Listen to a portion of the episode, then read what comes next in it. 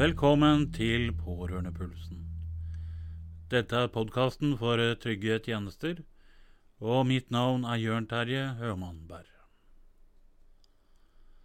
For de som ikke kjenner meg fra før, så har jeg vært pårørende til min mor, som var syk i mange år før hun døde. Jeg har også en bakgrunn innen helsefag og sykepleie.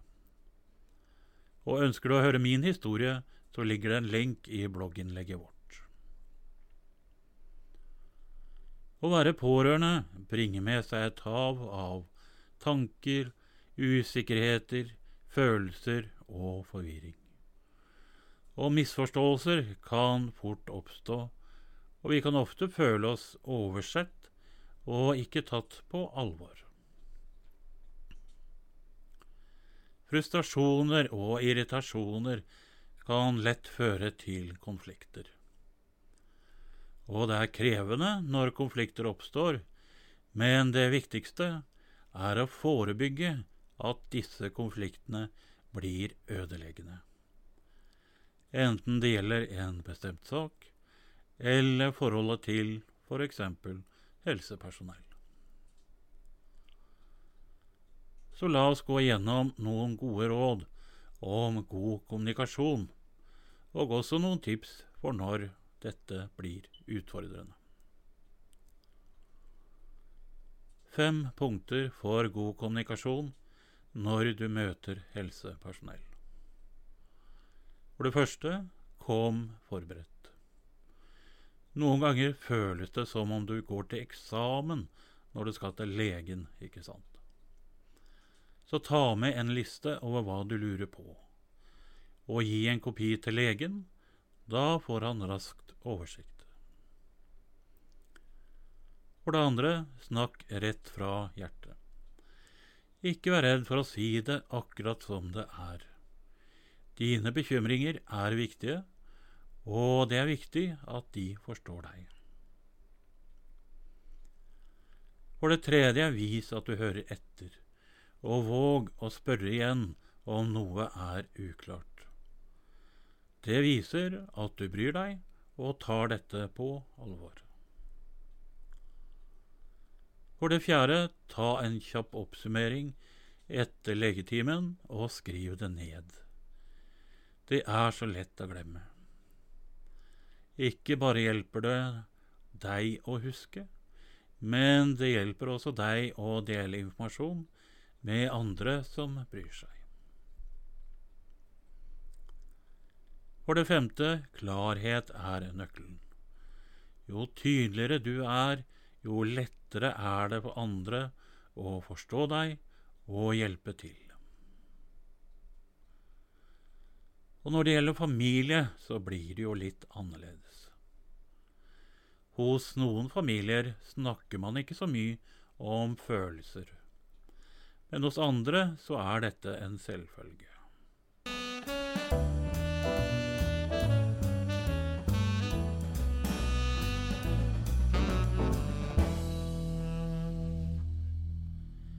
Her er uansett fire punkter som kan være greit å tenke over.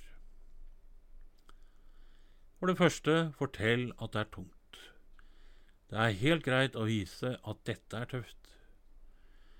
Du er sterk, men selv superhelter trenger en skulder å lene seg på av og til. Og det er fort gjort å føle seg ensom som pårørende, selv i familien. For det andre, be om hjelp. Det viser styrke, ikke svakhet. Og alle trenger hjelp. Det er en styrke å be om det. Det gir også andre muligheten til å vise hvor mye de bryr seg. For det tredje, lytt til deres hjerte også. Dine nærmeste kan også føle seg maktesløse. Gi dem en sjanse til å dele sine tanker og følelser, for dere er jo i dette sammen. For det fjerde, hold alle oppdatert. Du kan henge en status på tavlen på kjøkkenet, eller ha en egen digital gruppe hvor folk kan lese og skrive.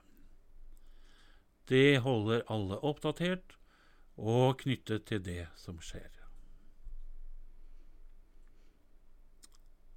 Og om det nå skulle bli for tøft. For det første, ta en pust i bakken. For følelser kan bli veldig intense. Ta et øyeblikk for å puste dypt. Lukk øynene, trekk pusten dypt mens du teller til fire. Én, to, tre, fire. Hold pusten mens du teller til fire igjen. Én, to, tre, fire. Og pust ut. For det andre, bruk jeg-setninger. Snakk fra ditt perspektiv for å gjøre budskapet ditt tydeligere og unngå anklager. For eksempel, jeg føler at du ikke forstår meg. Eller jeg føler meg redd og engstelig nå. Eller jeg trenger at du forklarer dette en gang til. Og for det tredje så kan en liten spøk gjøre underverker. I krevende situasjoner kan galgenhumor løse opp og skape broer i kommunikasjonen. For humor er for livet, slik støtdempere er for biler. Så helt til slutt. Kjære venner, husk at din stemme, dine følelser og dine erfaringer er viktige. Å konsentrere seg for å kommunisere godt og effektivt kan noen ganger føles som en ekstra byrde. Men det er også det som holder oss sammen i denne reisen. Du gjør en utrolig innsats hver eneste dag, og jeg håper disse tipsene kan være til litt hjelp. Ta nå vare på deg selv, for du er en virkelig helt. Dette var Pårørendepulsen, og jeg heter Jørn Terje Ømannberg.